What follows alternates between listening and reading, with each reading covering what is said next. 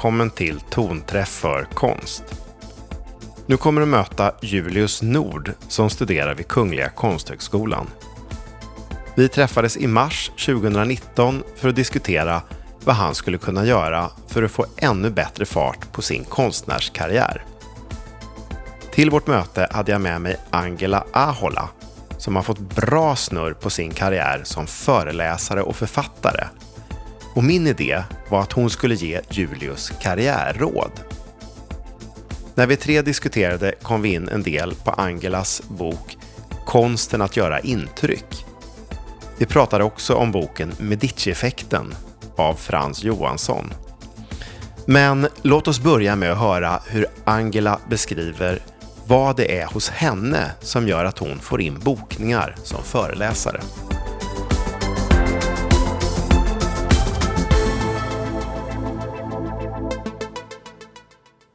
En doktor i psykologi som också har släppt eh, skiva inom dödsmetall. Eller medverkat på en skiva.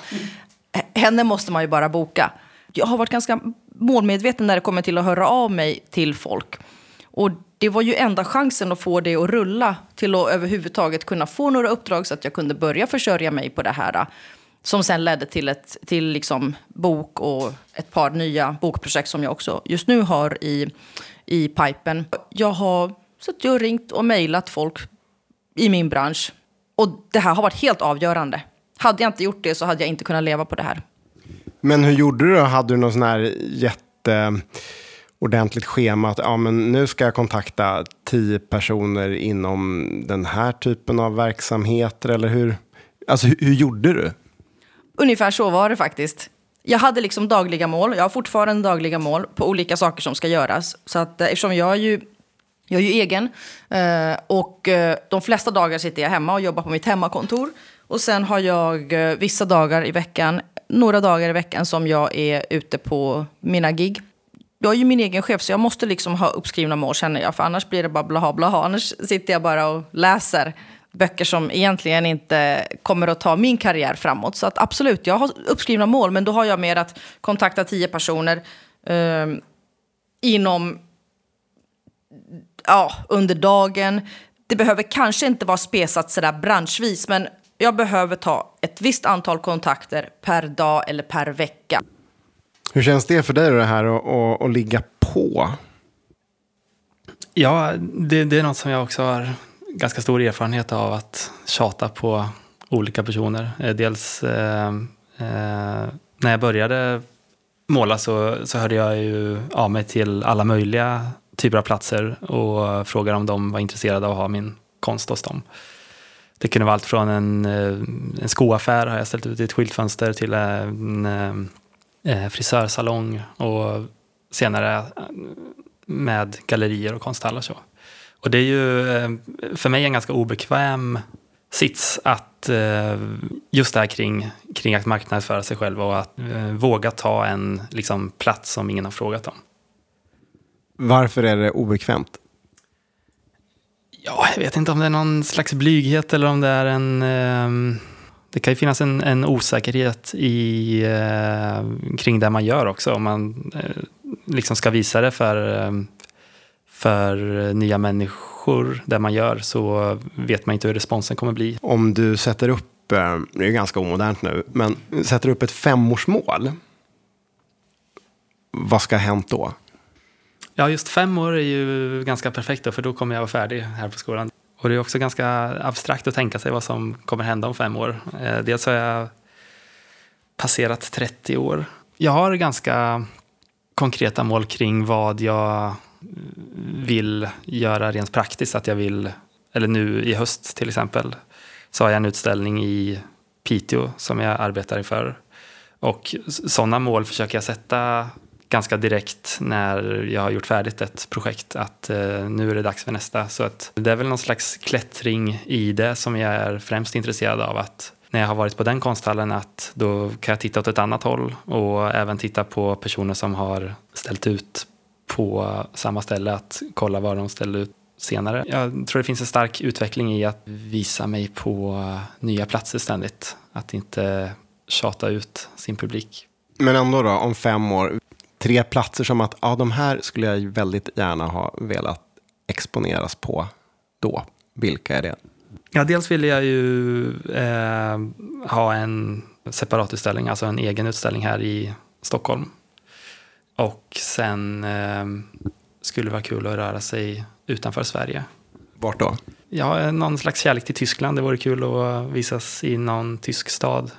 Vil vilken? Ja, München kanske. Nej, men också att hitta en eh, stabil plats att arbeta på.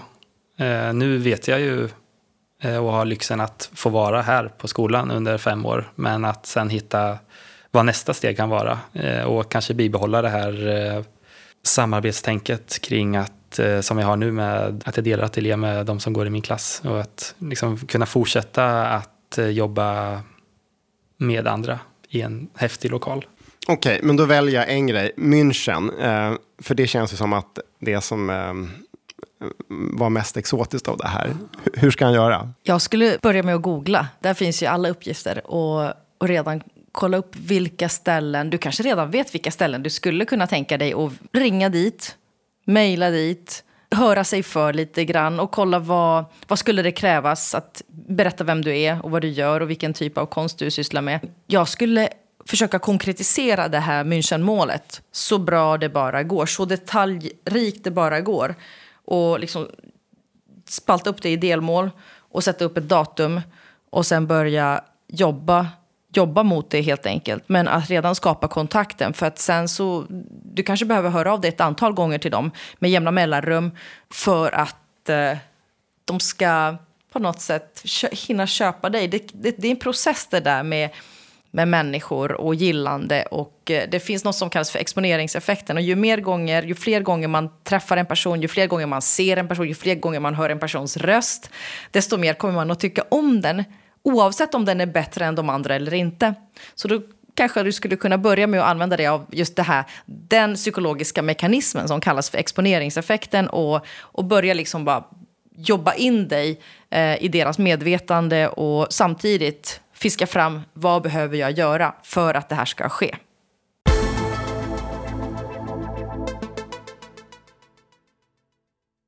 Du håller ju uppenbarligen på mycket med att ringa och mejlar. Och eh, hur gör du för, för att få dem att, att svara då? Numbers game. Jag vet att eh, om jag hör av mig till 100, då är det x antal som kommer att höra av sig. Men jag vet att om jag mejlar, jag kommer ut till ett ställe, så vet jag att där kommer det finnas någon i publiken som, som eh, kanske jobbar på ett företag eller har kontakter med någon person någonstans som sen kommer att leda till att jag får ett nytt jobb. Så att det är väldigt ofta nu om jag hör av mig någonstans så säger de att ja men hej vad roligt att du hör av dig. Jag har faktiskt varit och sett dig redan för ett år sedan på det och det stället. Så att eh, just de här ringarna på vattnet. Jag vet att det kanske inte kommer leda till ett jobb just den här kontakten. Men det kommer att, det kommer att skapa någonting i alla fall. Inte alla, men x antal procent av alla dessa kontakter som jag liksom driver, driver på på något sätt eh, kommer att leda till någonting. Och det är ganska skönt när det väl blir så att vissa hör av sig direkt att ja, men vi skulle vilja boka det. Vi har faktiskt ett event som vi skulle behöva en talare till. Att, hur ser det ut det och det datumet? Så att, ja, man får bara ha uthållighet och fortsätta köra på och vara trevlig och plocka fram och inte vara för blygsam. Jag, jag, jag vet att du nämnde att, att det kan vara en utmaning att att eh, det kan kännas lite självhävdande. Eller nu tolkar jag in det så, för jag kan känna att åh, vad skrytigt det här blir. Men om man, om man formulerar sig på ett ödmjukt sätt, eh, visar att man är en trevlig, sympatisk människa, och sen så kan man packa in det här lite skrytiga inslaget då lite längre fram. Inte för långt, fram, långt ner i mejlet så att de slutar att läsa. För att de läser de första raderna kanske. Men man måste liksom ändå ha självförtroende nog och marknadsföra sig själv redan ganska högt upp. Men, men att man börjar med lite trevliga artighetsfraser. Och sen så, det här har jag gjort, det här har jag gjort, de här kunderna har jag. Och då ska det väga så pass tungt att de känner okej, okay, uh, den här personen kan vara intressant till att samarbeta med.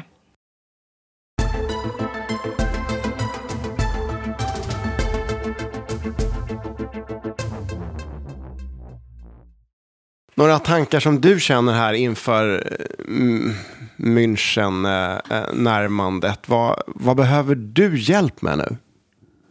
Ja, jag tänker dels ska jag ju försöka hitta i, i vilket sammanhang jag skulle kunna ställa ut. Ehm, och då går det ju ganska lätt att räkna bort ställen. Ehm, Varför då?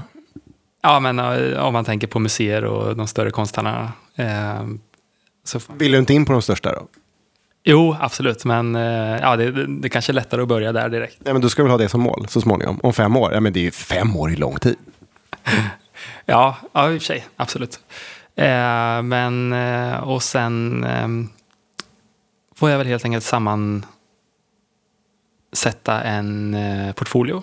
Eh, och det, det har jag ju egentligen redan, men eh, kanske göra en specifik för det här projektet. Men den här framåt psykologiexperten då, vad... vad mm, nej, men vad, så här, vad, vad ska han göra då? Ja, det är, jag håller ju förstås med, jag kan ju inte annat än, än att hålla med. Det som Julius säger om att, om att liksom hitta det, det som han vill nå ut dit med. Sen när den biten är klar, när han vet eh, vad det är han vill ställa ut med, då är det fram med Google och, och hitta rätt ställen och rätt personer. Du kanske redan vet var du vilket, vilket ställe du skulle vilja ställa ut på. Finns det något speciellt jag kan använda mig av för att sticka ut i den här mängden eh, av hundratals mejl som gallerierna får? Det där är en jättebra fråga. Finns det någonting hos dig som, som du känner att du skulle kunna plocka fram som något unikt? Nå, någonting du kan berätta, passa på att nämna i ett mejl, eh, någonting i din konst. Vad som helst som har med dig och din konst att göra, som är någonting som är avvikande, som gör att du kan stå ut i mängden av konstnärer. Alltså det som är lite dödsmetall i dig åt det hållet då, då fast inte riktigt. Just det, det är något sånt jag ska hitta. Eh, och ja. Men vad tror du då? Det här med alltså Norden. Vi tycker att vi är ju typ helt ja, som man är. Men, men i, i många länder så är ju det otroligt exotiskt. Vad, vad tror du om att göra att Julius gör en, en grej av det? Att han, fasken, han, han bor ju i Stockholm. Absolut, det skulle kunna vara. För det, de kanske inte har haft så mycket konstnärer från Stockholm som har ställt ut till exempel. Um, absolut. Det finns kanske väldigt bra möjligheter till att sticka ut bara genom att man är från Norden. Jag tänkte en annan grej i boken. Det var det här att du skriver ju om klädsel också. Eh, om man tittar, nu kan vi både titta på Julius och mig, så ser ju vi faktiskt väldigt eh, eh ja, ja, eh, konventionellt och diskret klädda ut och kortklippta av... Eh, alltså vi sticker ju inte ut så det skriker om det. Men ska han... Eh, vad, vad tror du om det då? Det där är, det där är intressant. Eh, idag sticker inte jag heller ut på något sätt. Men när jag är ute och jobbar och när jag ska på ett första möte, då ser jag till att sticka ut på något sätt. Jag ser till att vara klädd. Eh, antingen tänker jag jag behöver vara liksom väldigt välklädd. Eller sticka ut i, eh, med färger. Jag, har klätt, jag kan vara klädd i en röd kavaj. I någon speciell skurning. Så att den känns lite avvikande. Jag ser åtminstone till att inte smälta in. Målet är att avvika på något sätt. Men vad tycker du om... Alltså vissa människor eh, är ju exceptionistiskt lagda och tycker det är kul när folk tittar på dem. Eh, jag är till exempel en sån då. då. Men, och sen finns det de som inte tycker det. Men hur tycker du där? Ska man oavsett vem man är bara se till att inte smälta in eller, eller måste det kännas väldigt bekvämt? Eller hur ska man liksom få det att bli rätt i, i sammanhanget? Det där är ju en balansgång känner jag. Jag kan tycka det är ganska skönt att vara klädd ganska mainstream också. Och på morgonen speciellt, jag är ingen morgonmänniska. Då kan jag känna mig, jag vill bara ta på mig första bästa bekväma plagg. Men om jag vet att jag ska iväg på ett jobb, och jag ska stå på en scen, då motstår jag den impulsen och jag gör det som inte känns naturligt och bekvämt för mig. Utan jag klär mig så att jag ska synas. För jag vet att det blir, dels förväntar de sig en person som på något sätt syns. Sen vet jag också att eh, det finns ett psykologiskt fenomen som kallas för haloeffekten. Och den innebär egentligen att eh, en egenskap spiller över på andra egenskaper. Så i det här fallet blir utseendet och det yttre, kläderna, eh, den egenskapen som spiller över på uppfattningar om min kompetens, min kapacitet, om jag är kul att lyssnas på etc. Och då med det i åtanke och med det sagt så, så kommer det få konsekvenser hur jag visuellt väljer att presentera mig för om, omvärlden.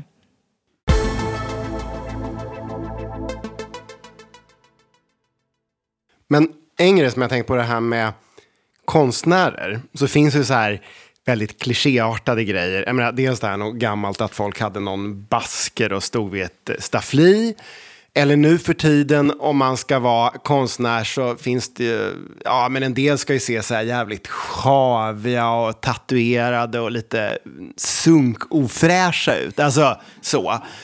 Uh, men så här, vad tycker du då? Att Julius, vad ska han gå in på? Ska han liksom bara haka på det där och skaffa sig massa tatueringar och sunk, sunkat? Ja, han har en tatuering tydligen. Oj, oj, oj. Ja, okej. Ja. Okej, okay, men ska han ha ännu fler tatueringar och se sunkig ut? Eller ska han se ut som en businessgubbe? Eller, liksom, eller måste han... Hur ska han tänka då? För, för att uppnå de här bra grejerna. Okej, okay, jag tror inte businessgubben är, är optimal i det här fallet. Utan här, här får jag liksom mer en känsla av att, eh, att han behöver... han skulle kanske kunna välja en annan väg. Någon väg Um, ja, men det här med tatueringen kan ju vara lite kul. Han kanske kan fixa lite tatuering som sticker upp så här, in, i nacken. Nej, usch. nej, det var ett skämt. uh, nej, men det är klart. Uh, det blir atypiskt. Det blir väldigt ostereotypt om man kommer klädd i kostym. Det blir liksom stereotypen och det han är och sådär. Det blir mismatch. Men absolut, någonting, någonting kanske. Men frågan är hur obekväm Julius skulle vara då i att eh, sticka ut på något Finns det något sätt du skulle kunna tänka dig att sticka ut kläda utseendemässigt som känns bekvämt för dig överhuvudtaget? Kanske inte behöver vara något väldigt, att sticka ut väldigt mycket. Ja, vad tror du är klädsel? Skulle du kunna ha lust att experimentera fram lite med det? Ja, alltså... Eh konstvärlden är ju full av just de här exemplen som vi pratar om här. Ja, fast många är ju så lika, de blir så här förutsägbara. Alltså, det finns ju jättemånga som vill vara eh, Andy Warhol eller vara de här Xavier eller liksom, men ja, vad, vad vill du då? Det, det, är oftast ganska lätt att se vem, alltså om man går på en vernissage så när man kommer in i rummet så kan det ju vara väldigt lätt att se vem som är konstnären för att den personen eh, förmodligen matchar sina verk. Och eh, om jag tänker på mina målningar då, att de är ju ganska sterila och tråkiga på ett sätt. Så jag kanske ska fortsätta med det här hel, helfärgade. Och det, det var faktiskt en klasskompis till mig som eh, eh skulle beskriva en person som hon hade sett på tunnelbanan. Eh, och så satt hon och pratade med några av de andra klasskompisarna och sa han, ja det var liksom en, en helt vanlig kille eh, och, och så använde hon mig som exempel. Hon såg ut som, eller han såg ut som Julius. Och det var eh, en fin beskrivning tycker jag av hur eh, Ebba då, som hon heter, min klasskompis, eh, tycker att jag är, ser vanlig ut. Det, det är ganska befriande tycker jag. Men skulle du känna dig bekväm med att göra dig mer unik med dina kläder? För som du ser ut idag så ser du verkligen ut som typ tio andra killar i tunnelbanevagnen. ja, varför inte göra ett försök tänker jag. Det... Och, och va, va, har du några idéer? Vad, vad skulle du vara va, va sugen på då? Framförallt att testa? Ja, faktiskt bara i, igår eh, gick jag och min eh, sambo Sofie och eh, två kompisar och tittade lite i affärer. Då, då var jag inne på att köpa en keps. Jag kanske skulle sträcka mig så långt att börja med att ha någonting på huvudet. Vad tror du? Keps? Är det något? Det kanske också lite har att göra med, med vad Julius väljer att kombinera det med. Just kombinationen, det, slutresultatet kan ju bli ganska intressant. Men du själv då? För i boken så, du skriver bland annat om eh, skräddarsydda kläder och, och sådana där tjusiga saker. Hur har du gjort för att hitta det som funkar i din roll för att göra intryck med hjälp av klädseln? Jag tänker bland annat färger.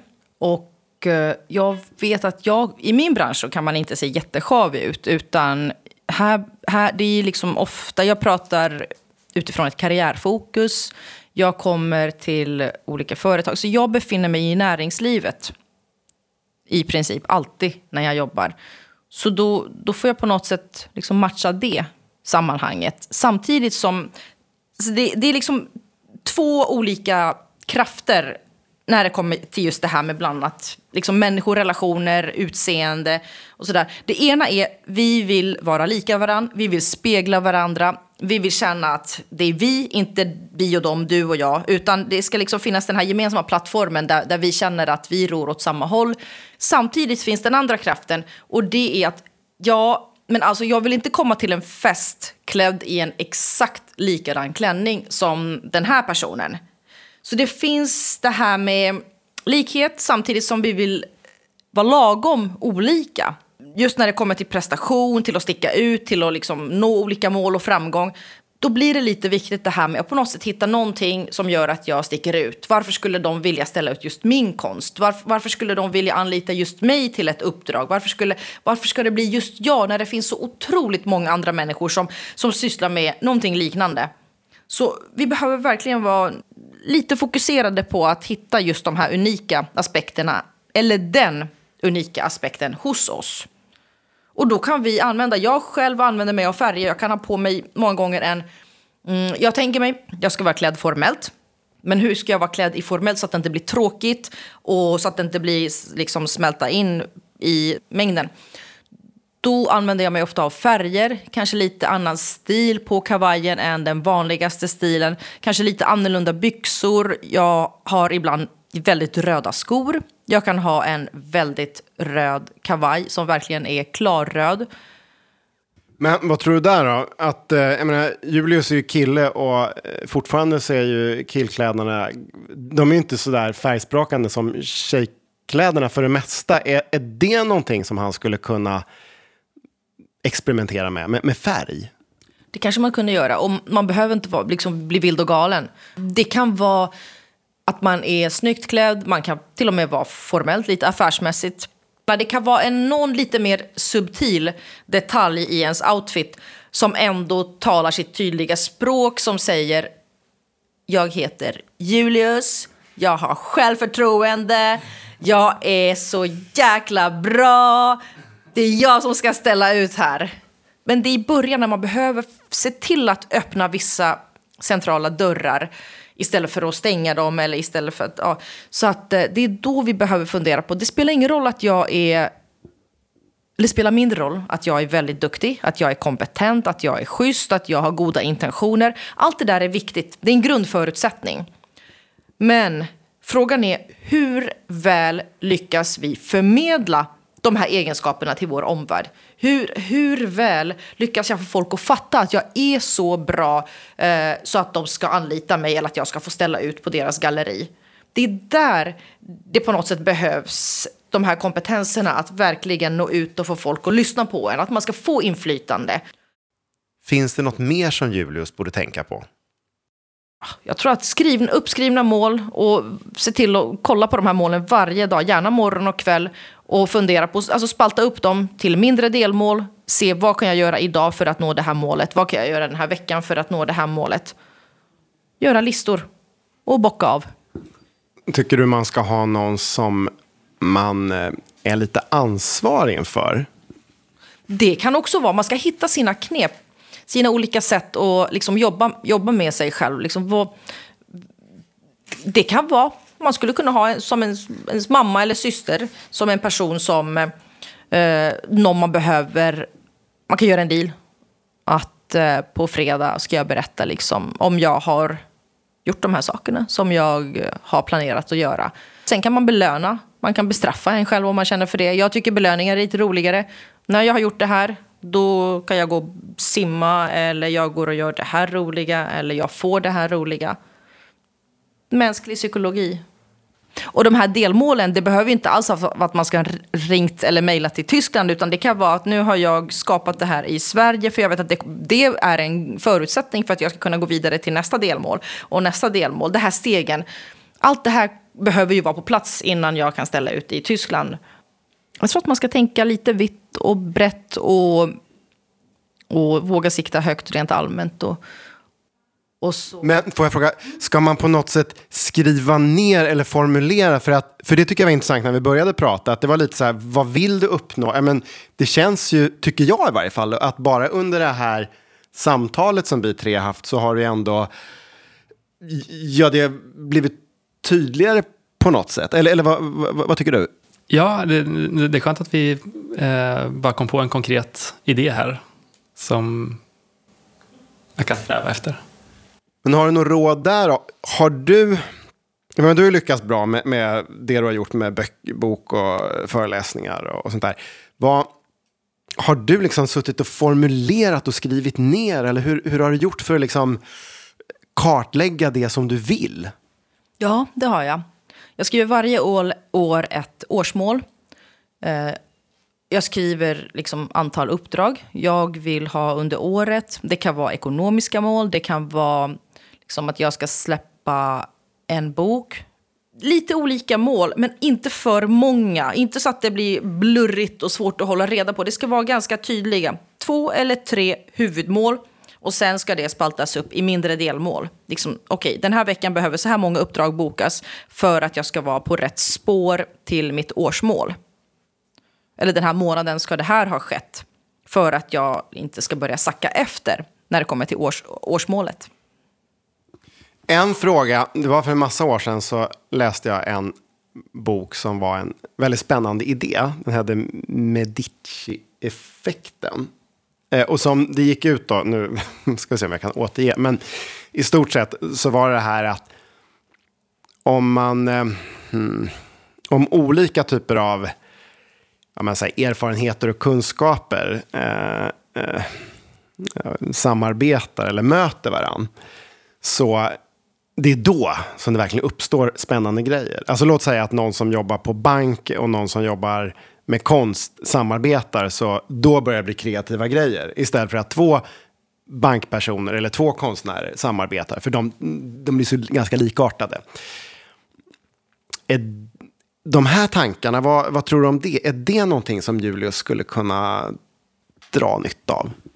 Ja, det tror jag absolut. Jag känner spontant bara av att vara här med er gör att det känns... Eh, jag känner mig stimulerad. Jag tror absolut. Och sen också generellt, människor mår bra av att exponeras för det nya. Vi, våra belöningscentra aktiveras många gånger. Vi mår bra av att se nya platser, av att höra nya saker, lära oss nya saker. Så att absolut. Och sen har man ju så olika perspektiv då. Man sitter på helt olika stolar. Man är från två helt olika branscher. Så, så det är klart. Jag tror absolut på det. Kanske Julius kunde tänka på att hitta något samarbete eller, eller åtminstone se till att interagera och exponeras för människor i olika branscher, exponeras för nya saker. Det väcker nästan alltid tankar. Är det något du skulle vilja exponeras för, någon typ av bransch eller verksamhet som du tror du skulle kunna ha nytta av på vägen till München?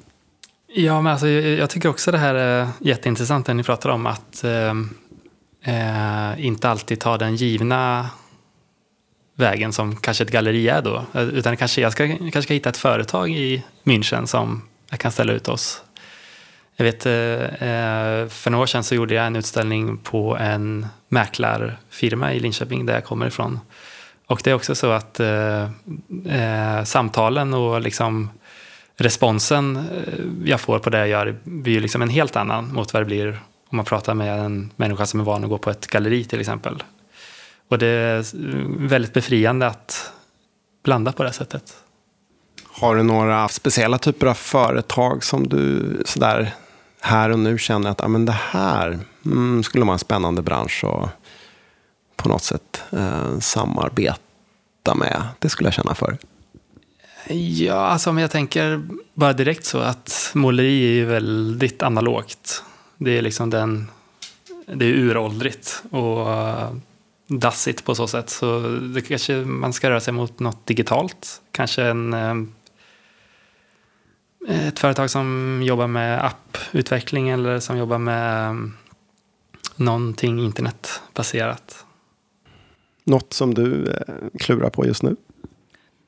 Mm, jag är bara allmänt tycker det är en spännande diskussion som vi har just nu, det här med olika branscher. Det, det får mig också fundera på, kanske vad finns det för andra vägar jag skulle kunna hitta?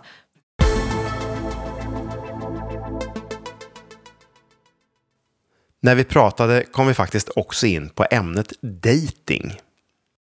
Då tänkte jag så här att om man då tar, för du har ju skrivit i Konsten att göra intryck om dating och vad som kan leda till framgång och misslyckande inom det. Och då kan man ju se det här med samarbeten eh, mm, ja, karriärmässigt. Det är också någon slags dating, fast på ett annorlunda sätt.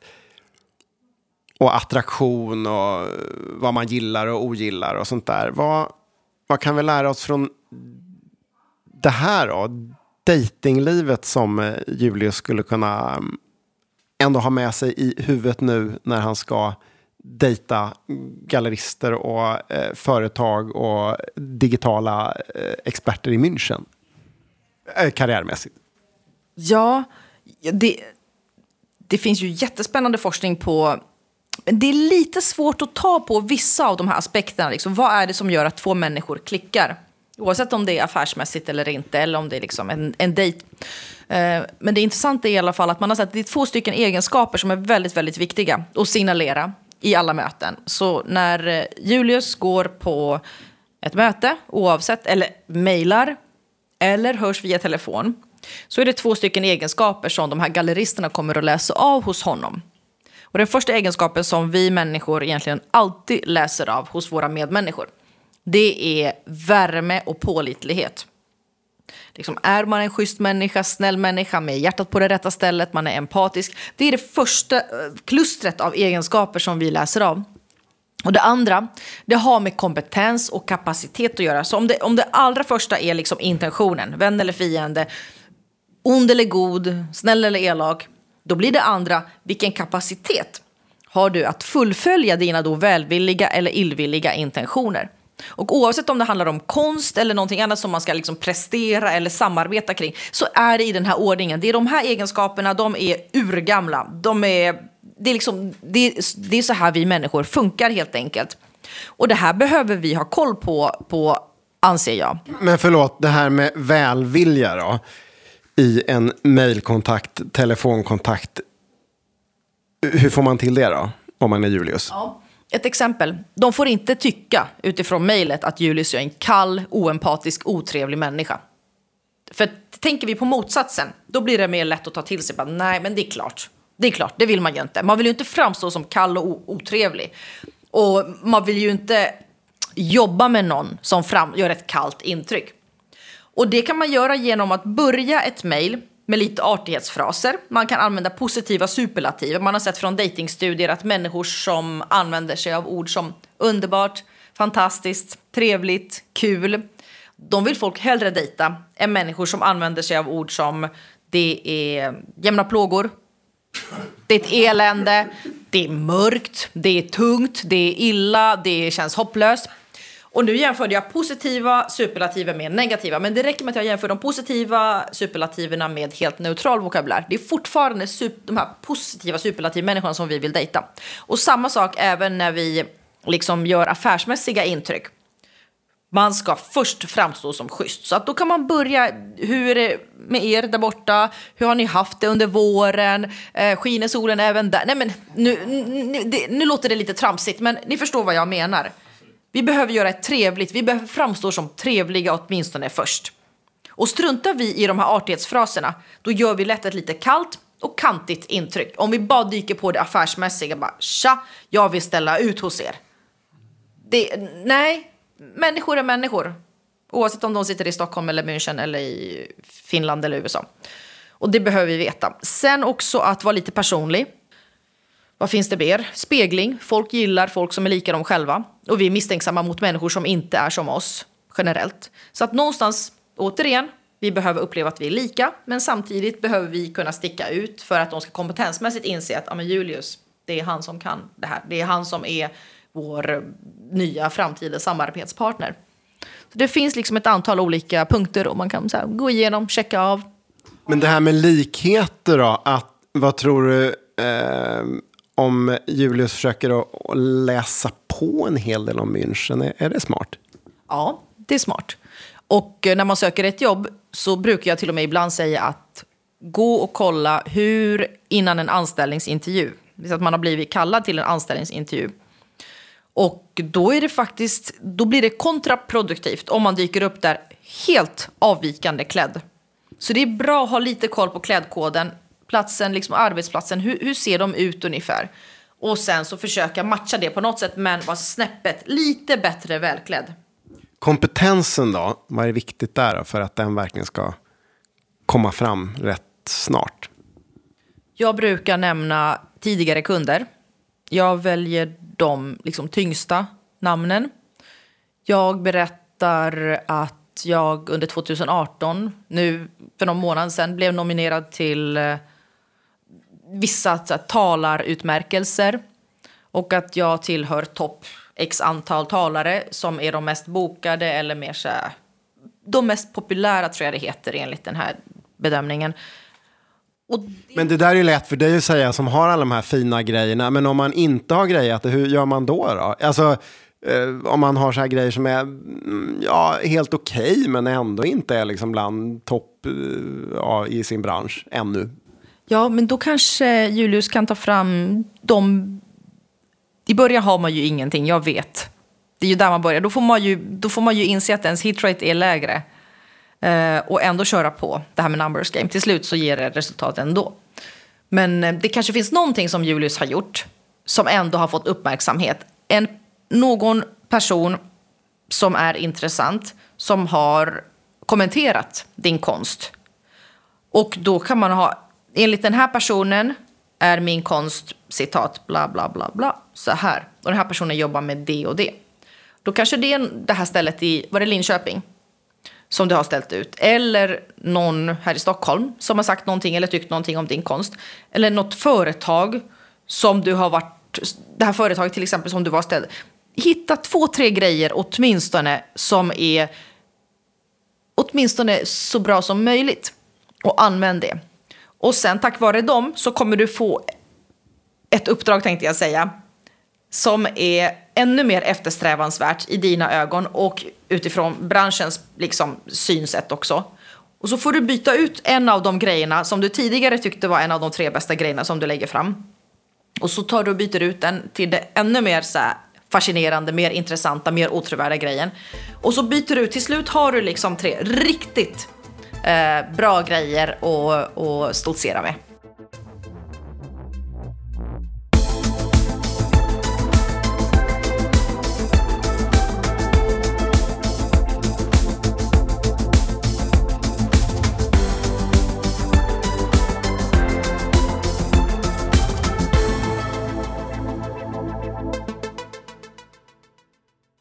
Den här podcasten är producerad av produktionsbolaget Tonträff.